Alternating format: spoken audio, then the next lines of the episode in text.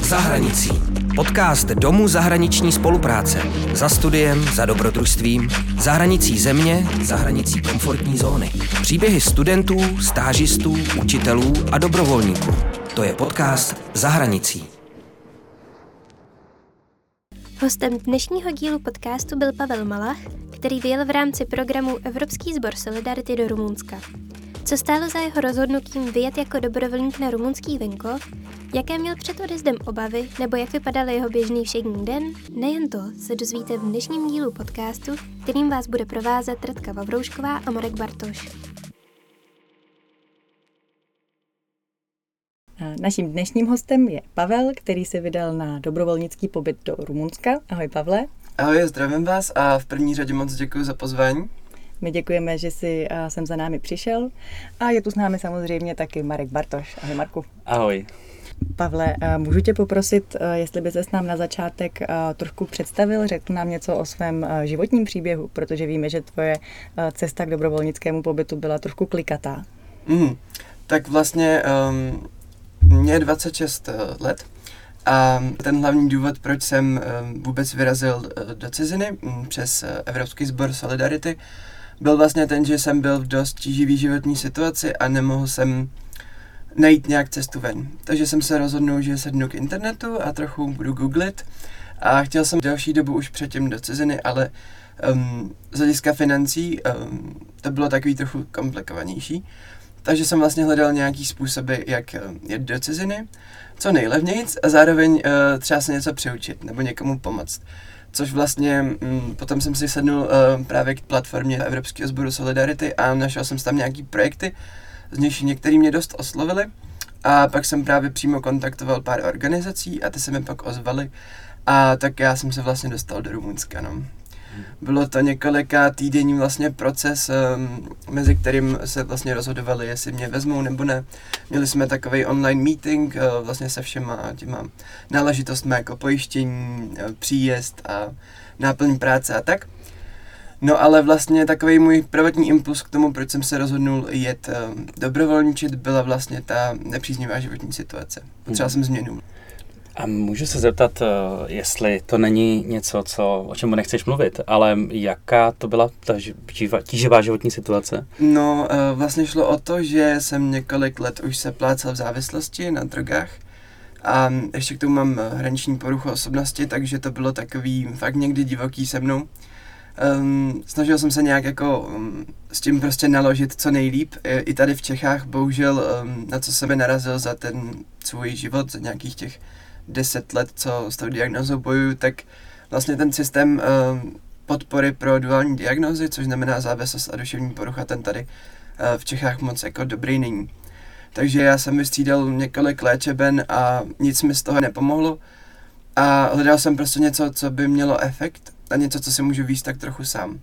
Protože potřebuji samozřejmě režim a, a brát léky a tak, být v pohodě, abstinovat, což je jako základ, ale v těch léčebnách to dost často funguje tak, že prostě je tam strašný pres na dochvilnost, člověk přijde o minutu později, má zápis, jo, a prostě pak katastrofy na komunitách a je to takový um, přístup k tomu, aby se člověk uzdravil uh, co nejrychleji a často se pak do té léčebny vrací z hlediska toho, že tam třeba nemá moc volného času a není tam nějaká edukace o tom, jaký jsou další možnosti pro toho člověka, až vyleze, aby si mohl najít nějakou stabilní práci nebo právě takhle někam vět. Takže je to tam takový dost, um, jak bych to přehnul, jak továrna, jo. Mm. A mě právě tenhle systém už jako delší dobu nevyhovoval, plus jsem měl nějaký um, mezilidský vztahový problémy a tak, takže jsem prostě řekl, já potřebuji pryč. A prostě jsem se zbalil a odjel na rok. to muselo být uh, hodně těžký, musel si projít velice náročným obdobím. Uh, jak tě napadlo to řešit právě tím vycestováním do zahraničí? Jak se zrodila ta myšlenka? Pamatuješ si na to? No, já se to vlastně pamatuju. Já jsem tenkrát bydlel s okolností tady v Praze a došlo tam k několika takovým uh, situacím s mojí spolubydlící, kde já jsem si řekl, že prostě tohle už dál neunesu. Že um, ještě tam byly fakt jako nějaký osobní vztahy, ještě další a já jsem věděl v tu chvíli, že potřebuju hodně daleko, na hodně dlouho, abych se z tohohle kruhu dostal. A vlastně už v tu dobu jsem nějak začal hledat možnosti, přemýšlel jsem, že i zkusím třeba práci na farmě nějakou sezónní cizině třeba ve Španělsku. A hledal jsem ty možnosti a obepsal jsem i nějaký jiný stránky než jen ten evropský sbor, ale tam právě mě jako zaujalo to, že dokud je vám, nebo je ti 30, tak můžeš pět, i na dlouho. A to mě jako tak nějak, to byl takový ten prvotní impuls k tomu, proč se přihlásit na to dobrovolničení. Mm-hmm.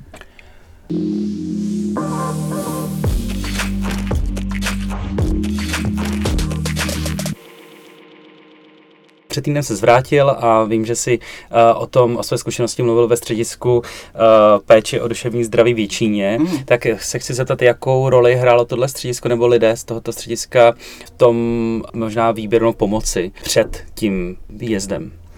No já musím říct, že vlastně s péčí o duševní zdraví v Číně jsem v kontaktu už několik let.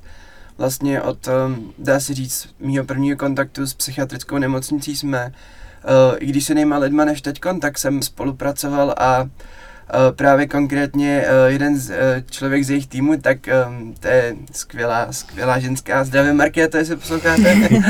a tam je teda byla oporou a podporou nejenom během celého toho roku toho dobrovolničení, ale i hodně předtím. Protože, jak už jsem řekl, bylo to hodně, co bylo potřeba vyřešit um, i z hlediska takových organizačních věcí jako úřady a tak. A s tím mi vždycky pomohla. A co na ní fakt jako oceňuju a i celkově na těch lidech um, v tom středisku je, že oni jsou strašně takový, um, takový vřelí. A cokoliv máte za problém, nebo prostě já, mně se kolikrát stalo, že jsem zavolal i mimo pracovní dobu, nebo třeba o víkendu a i tak mi ta Markéta zvedla, jo. A prostě vyslechla, co se hmm. děje, poradila prostě a tohle si hrozně vážím vlastně, že ty lidi tou prací ne, že úplně žijou, ale jsou, baví je to a chtějí pomoct těm lidem. A co si myslím, že je hrozně důležitý, že něco takového tady je. Myslím, že to je super uh, mít takovou podporu uh, obecně, když člověk řeší jakýkoliv problémy a vlastně i během toho výjezdu. A předtím, než jsi vyjel, měl jsi třeba nějaký obavy konkrétní, něco konkrétního, čeho se zbál? No, musím říct, že jo. Já si pamatuju, že než jsem odjížděl, tak jsem si říkal, že to bude nějaký fake. Já tam někde, já tam někde skončím v Bukurešti bez občanky a prostě nebudu se moc dostat zpátky. Ale tak to bylo takový, co jsme se tak bavili vlastně i s těma ostatníma dobrovolníkama, že to je docela normální, že člověk jede do ciziny na dlouho a bojí se, jestli to není nějaký jako pochybný. Ale musím říct, že jinak jako ani ne, jinak jsem se jakoby, bál jsem se to, abych to zvládnul. Hmm. Což se teda povedlo, ale nějaký jako konkrétní pochyby tam ani nebyly. A ještě se vrátím k tomu, ehm, že člověk má samozřejmě obavu, jestli to není všechno podvod. Tak eh, co ti pomohlo to odbourat? Um, moment, kdy jsem si byl vlastně jistý, že to je fakt um, seriózní uh, projekt, tak to bylo vlastně, když jsem s jednou s tou uh, koordinátorkou měl Zoom meeting, na kterým ona mi vlastně vysvětlila, jak to tam funguje, co všechno je potřeba zařídit, než přijedu a jak to tam pak bude vlastně probíhat. Takže asi, asi potom jsem vlastně si řekl, tak tohle asi bude jako fakt pravý, že by si nikdo nestrácel čas, že se se mnou někdo bude půl hodiny povídat a vymýšlet si nějaký náhodný jako údaje a tak. Když se vrátíme na začátek k tomu, k té chvíli, kdy jsi seděl u toho internetu a hledal ty možnosti, proč jsi vybral, vybral zrovna Rumunsko? Nebo zvažoval si třeba nějaké jiné země nebo jiná místa? Uh, já jsem Rumunsko vybíral um, takhle, ne, nemuselo to být vyloženě Rumunsko, ale já jsem hledal něco na venkově, mm-hmm. což se mi povedlo, protože vlastně ten celý můj um, projekt byl soustředěný na práci s mladýma lidma, co žijou um, v rumunský, dá se říct, jakoby nicotě, prostě na venkově. A já jsem tohle, tohle prostředí jsem hledal právě kvůli tomu, kvůli té závislosti. Protože jsem věděl, že na tomhle místě bude pro mě obtížnější se dostat do kontaktu s rizikovými lidma a vůbec jako se dostat do styku s těma látkama. Takže proto jsem volil um, Rumunsko a musím, musím říct teda, že to byl super uh, krok že mi tam vůbec jako tyhle věci nechyběly. Měl jsem tam prostě náplň uh, práce, dělal jsem uh, s, uh, s dětma hlavně, s mladýma lidma. Takže nade mnou byla i taková jako výše zodpovědnosti, že prostě se nemůžu třeba opít do práce nebo něco samozřejmě. Mm. Takže mi to tam jakoby pomohlo i v tom, že jsem si nastavil takový zdravý hranice prostě, jo, v tomhle tom. Hmm.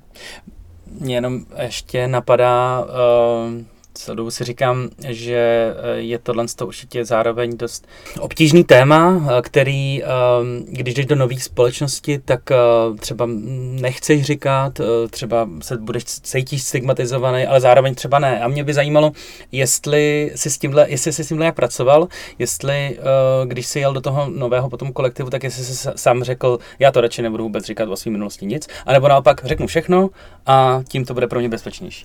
Uh, takhle, já než jsem tam odjížděl, tak jsem měl takovýho jakoby brouka pochybností v hlavě, jestli je mám říct o té svojí poruše.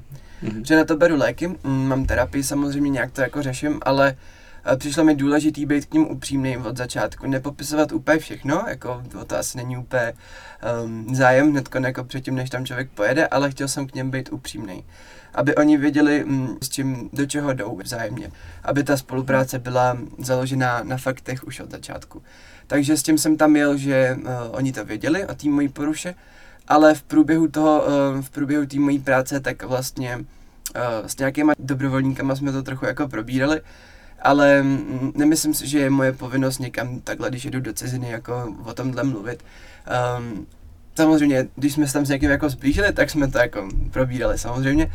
A v práci taky věděli, že mám nějaký jako takovýhle problémy, ale mm, tohle jsou jako věci, které mě o nich ne, nevadí jako se bavit, ale na pracovním prostředí, když um, ještě kor děláte s mladým, tak mi nepřišlo úplně košer to takhle mm. jakoby uh, s někým tam rozebírat. O toho mám uh, terapii, že jo. Mm. A měli jsme tam i mentorku, se kterou jsem to trošičku uh, taky jakoby řešil víceméně, ale jen tak okrajově, spíš jsme se soustředili na tu práci. Mm. Když jsi nakousl tu mentorku, hmm. můžeš nám říct celkově, jakou podporu si vlastně dostal eh, jak od toho programu Evropský sbor Solidarity, tak od té organizace, do které si eh, přijel, jakým způsobem o tebe nebo o jakéhokoliv dalšího dobrovolníka je postaráno, když se někam vydá do zahraničí? Um, no musím říct, že um, jsem byl jako překvapený z toho, že i když věděli o nějakým mém znevýhodnění, že nás tam brali všechny stejně.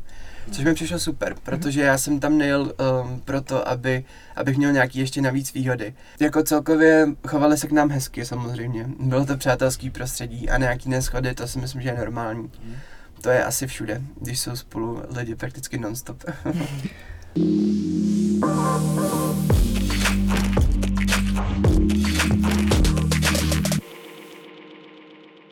Teď by mě zajímalo teda, jako vlastně, jak tam vypadal, jak se to mám představit, jak tam hmm. vypadal jako všední den, kde jste bydleli, co jste dělali.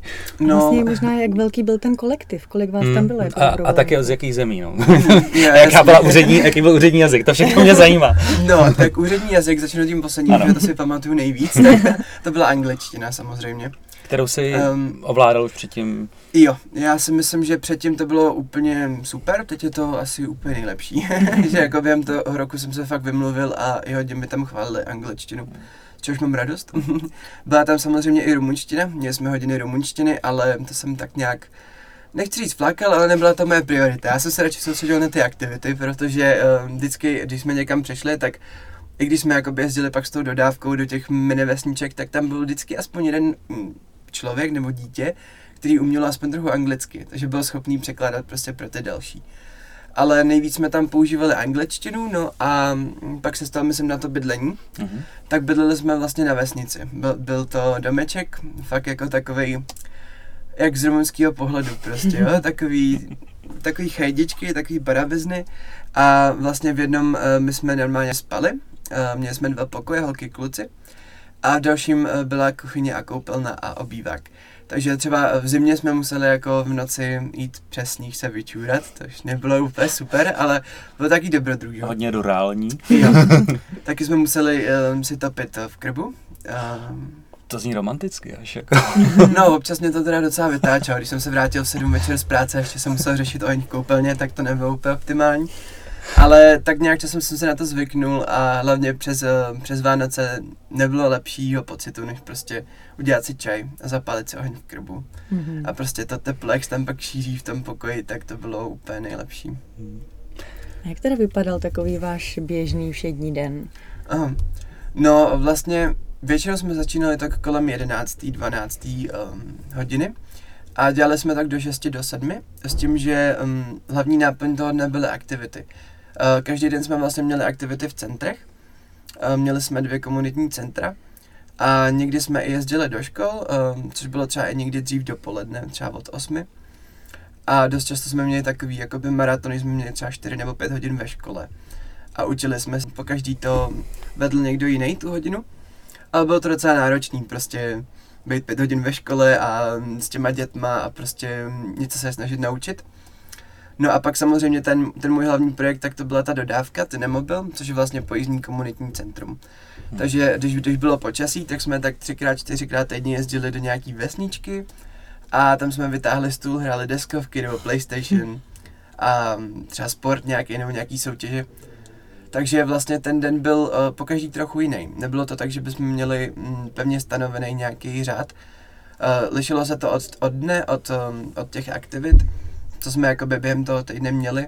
Některý týdny byly trochu volnější, některý naopak víc nabouchaný. Třeba když jsme dělali festival v létě, tak tam bylo asi 30 krátkodobých dobrovolníků a dělali jsme jakoby Rural Youth, Youth Festival a přišlo nám tam asi 300 lidí za tři dny, takže to bylo fakt organizačně, náročný. Organizačně mm-hmm. zajistit takovou akci je náročný, že jo? Bylo to hodně mm, náročný, mm. si pamatuju, že mm. v ten srpen minulý rok jsem měl asi nejvíc odpracovaných hodin, protože já jsem ještě spal eh, ve stanu na tom hřišti, abych viděl věci, že jo, techniku. Takže jsem měl dva dny non-stop prostě working hours, to bylo jako fakt vtipný, no. A zároveň super zkušenosti jo. jako jo. pracovní a do mm. budoucna. Mm, určitě. Ale zeptám se ještě jenom hloupě, co byla teda hlavní náplň toho projektu? Mm. A co jaký byly cíle?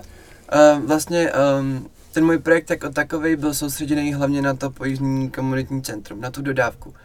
Ale uh, hlavní jakoby aim, uh, účel mm-hmm. toho mm-hmm. projektu, tak uh, to bylo vlastně, jak bych to řekl, um, přinést zábavu blíž mm, ke dveřím těm dětem a mladistvím, který nemají možnost z finančních důvodů nebo právě mm. geografických mm. důvodů cestovat za tou zábavou a kulturou do větších měst. Mm. Takže to bylo takový spíš jako, um, aby ty děti poznaly, jak se, jak se zabavit, poznaly nějaký ty mezinárodní dobrovolníky a zjistili třeba něco o tom dobro, dobrovolničení jako takovým.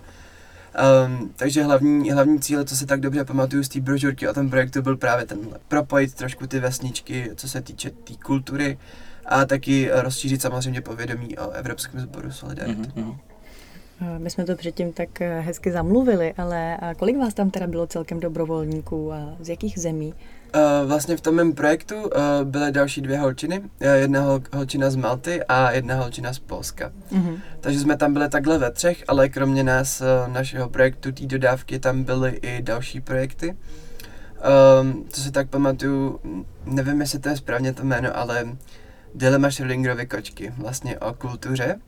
A teď vlastně po tom, co my jsme tam končili, tak tam mají community kitchen, jakoby mm. o vaření. A do toho samozřejmě jsme tam měli nějaký krátkodobý projekty, jako právě ten festival, a nebo se tam renovovalo jedno komunitní centrum. Jakoby park přilehlý mm-hmm. uh, u toho. Takže těch lidí se tam vystřídalo jako docela dost za ten rok, ale stabilně jsme tam byli z těch dlouhodobých průměrů tak 5-6 lidí. Jak jste spolu trávili třeba i volný čas, nebo naopak ve volném čase už jste si radši chtěli od sebe na chvilku odpočinout? No, musím říct, musím říct že to bylo docela někdy jako náročný a na třeba s my jsme měli takové, jako vždycky jsme tomu říkali lazy weekends, že prostě každý u sebe v pokoji a potkáme se po dvou dnech v kuchyni a řekneme si, co je no, jo? Ale samozřejmě taky jsme jezdili, hlavně když jsme měli mentoring, tak jsme jezdili třeba do Brašova nebo na nějaký další turistické destinace, kde prostě jsme trávili čas spolu. Mm, taky jsme prostě vařili se občas spolu a nebo někam šli na výlet a tak třeba na túru jenom. Takže ty, ty mm, možnosti, jak trávit volný čas, tam určitě byly. Ale já, jelikož jsem taky si um, přijel do toho Rumunska s nějakým balíčkem svých uh, předchozích zkušeností a tak, tak jsem i hodně času byl rád sám, prostě sám se mm-hmm. sebou.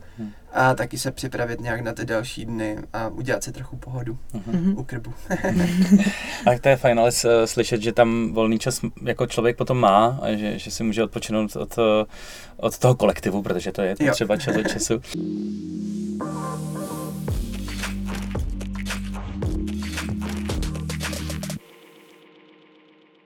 Měl jsi teda, ty jsi mluvil o nějakých výletech a cesty do nějakých měst a podobně. Měl jsi teda možnost e, trošku poznat to Rumunsko jako zemi, kulturu? Uh, měl jsem možnost určitě. Byl jsem v Bukurešti, byli jsme právě několikrát v Brašově, byli jsme, byl jsem kousek od Temešváru v Rešici, v dalším komunitním centru. A byli jsme v Sibiu, a v Mhm. Sinaje, prostě tak nějak jako trochu mám to Rumunsko prošmejděný. Hlavně jsem uh, vlastně díky tomu, že každý měsíc jsme sbírali dva dny dovolený, co jsme si mohli v průběhu toho roku vybrat, tak jsem se podíval i do Dánska. A tam se mi moc líbilo, samozřejmě jsem se udělal výlet do Čech mm, před Vánocema. Mhm. Za rodinou, Já jsem se chtěl zeptat, jestli, jestli Jo. jsi teda se, navštívil si Českou republiku. Eh, Vlastně Aha, jednou, no, za aha. celý ten rok jako jednou, bylo to asi na necelý týden, nebo lehce přes týden. A taky samozřejmě jsem musel jako k doktorovi pro léky, za Mhm. léků, aby, aby Mhm. všechno bylo v cejku. Říct um, ahoj kámošům a tak rodině a vlastně až teď jsem se vrátil před týdnem Mhm. zpátky, takže to bylo fakt jako rok, uh, nechci říct úplně samoty, ale rok vlastně mimo, mimo to moje prostředí. A. Vlastně, když jsme si pak psali s tou Angie, tak ona mi říkala, že jo, ona končila o 14 dní dřív, protože pak měla nějakou, nebo má letní práci. A když mi jako, jsme si nějak psali, tak ona mi říkala, že mi to bude připadat jako sen, až se vrátím. A musím říct, že to tak je, prostě, že ten rok utek a pak člověk vlastně po tom roku přijde, má spoustu vzpomínek, spoustu zážitků, spoustu Hmm. zkušeností, ale je to prostě jak kdyby byl někde trochu jako jinde ten rok. A ono to tak jako je, no. Doslova, doslova. To musí Hmm. být těžký, vlastně potom ten návrat zpátky do toho běžného života a zpátky sem. Ty to máš teď úplně čerstvě, ty jsi tady týden, si říkal. No, lehce přes týden. Tak to nevím, jestli byla dostatečně dlouhá doba na to, aby se zaklimatizoval. No, dělám, co můžu.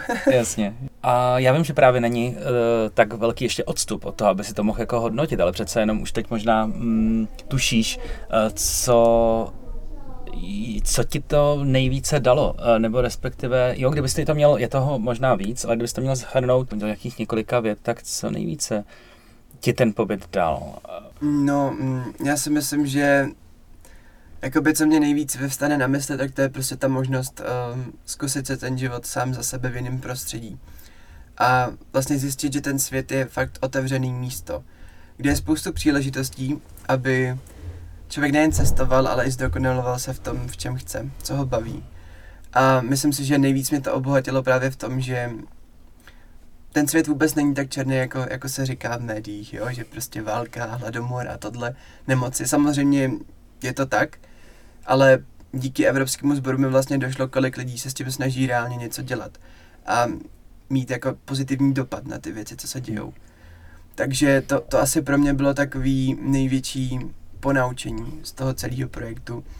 A hlavně já se chci dobrovolniční věnovat i, i v rámci ne úplně let, ale měsíců určitě.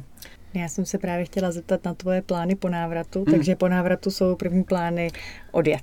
Jo, mně se nějak v té cizině zalíbilo prostě.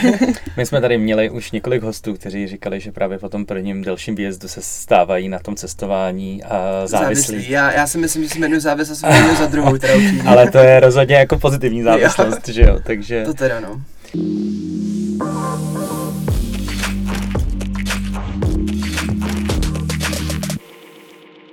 Já jsem se chtěl ještě zeptat, jestli, ty už jsi o tom mluvil, o těch obavách, mluvil jsi o té podpoře, ale uh, přece jenom měl jsi možnost uh, si tam, si tam třeba spojit s terapeutem nebo terapeutkou. Měl jsem k dispozici svoji terapeutku a to jsme jednou týdně um, měli online sezení.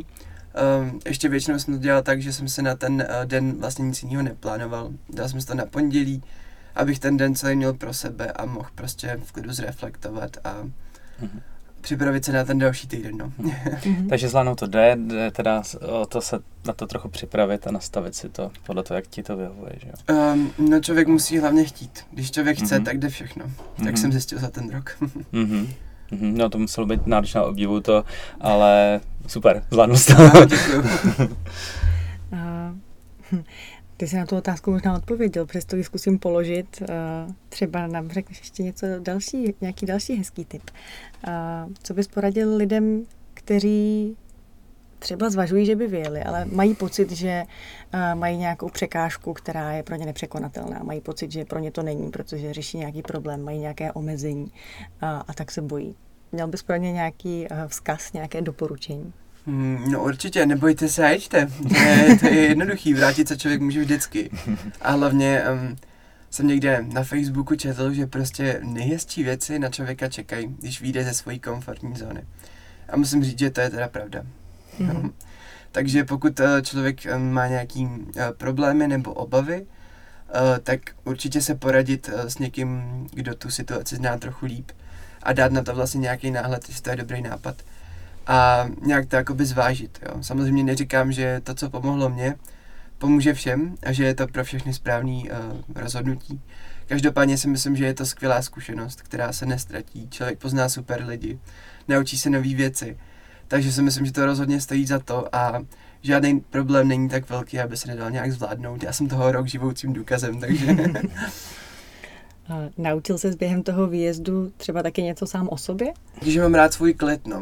Mm-hmm. To si třeba úplně uh, o sobě nevěděl předtím. Eh, myslel jsi třeba, že potřebuješ víc lidskou společnost než... Jo, já hmm. jsem jako předtím byl um, dost, nechci říct závislý na lidech, ale dost hmm. často a znamená jsem se na někoho jako nafixoval, jo, že ty s tebou mi fajn, pojďme spolu trávit jako čas víc a díl a tak.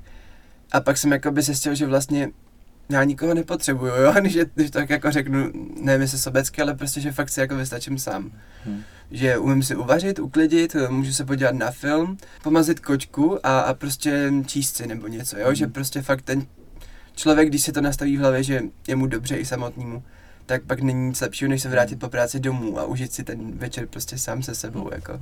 To, je, to je vlastně do, dobrý zjištění. Často člověk právě potřebuje někam odjet nebo za, zažít si tu zkušenost být najednou někde mimo ten svůj běžný život, aby se to mohlo uvědomit. Určitě. No tak já moc děkuji, že jsi na nás udělal čas. A já bylo taky to... moc děkuji za pozvání, bylo to moc hezký. Děkuji. Bylo to strašně zajímavé a inspirativní povídání. Děkujeme. Taky díky.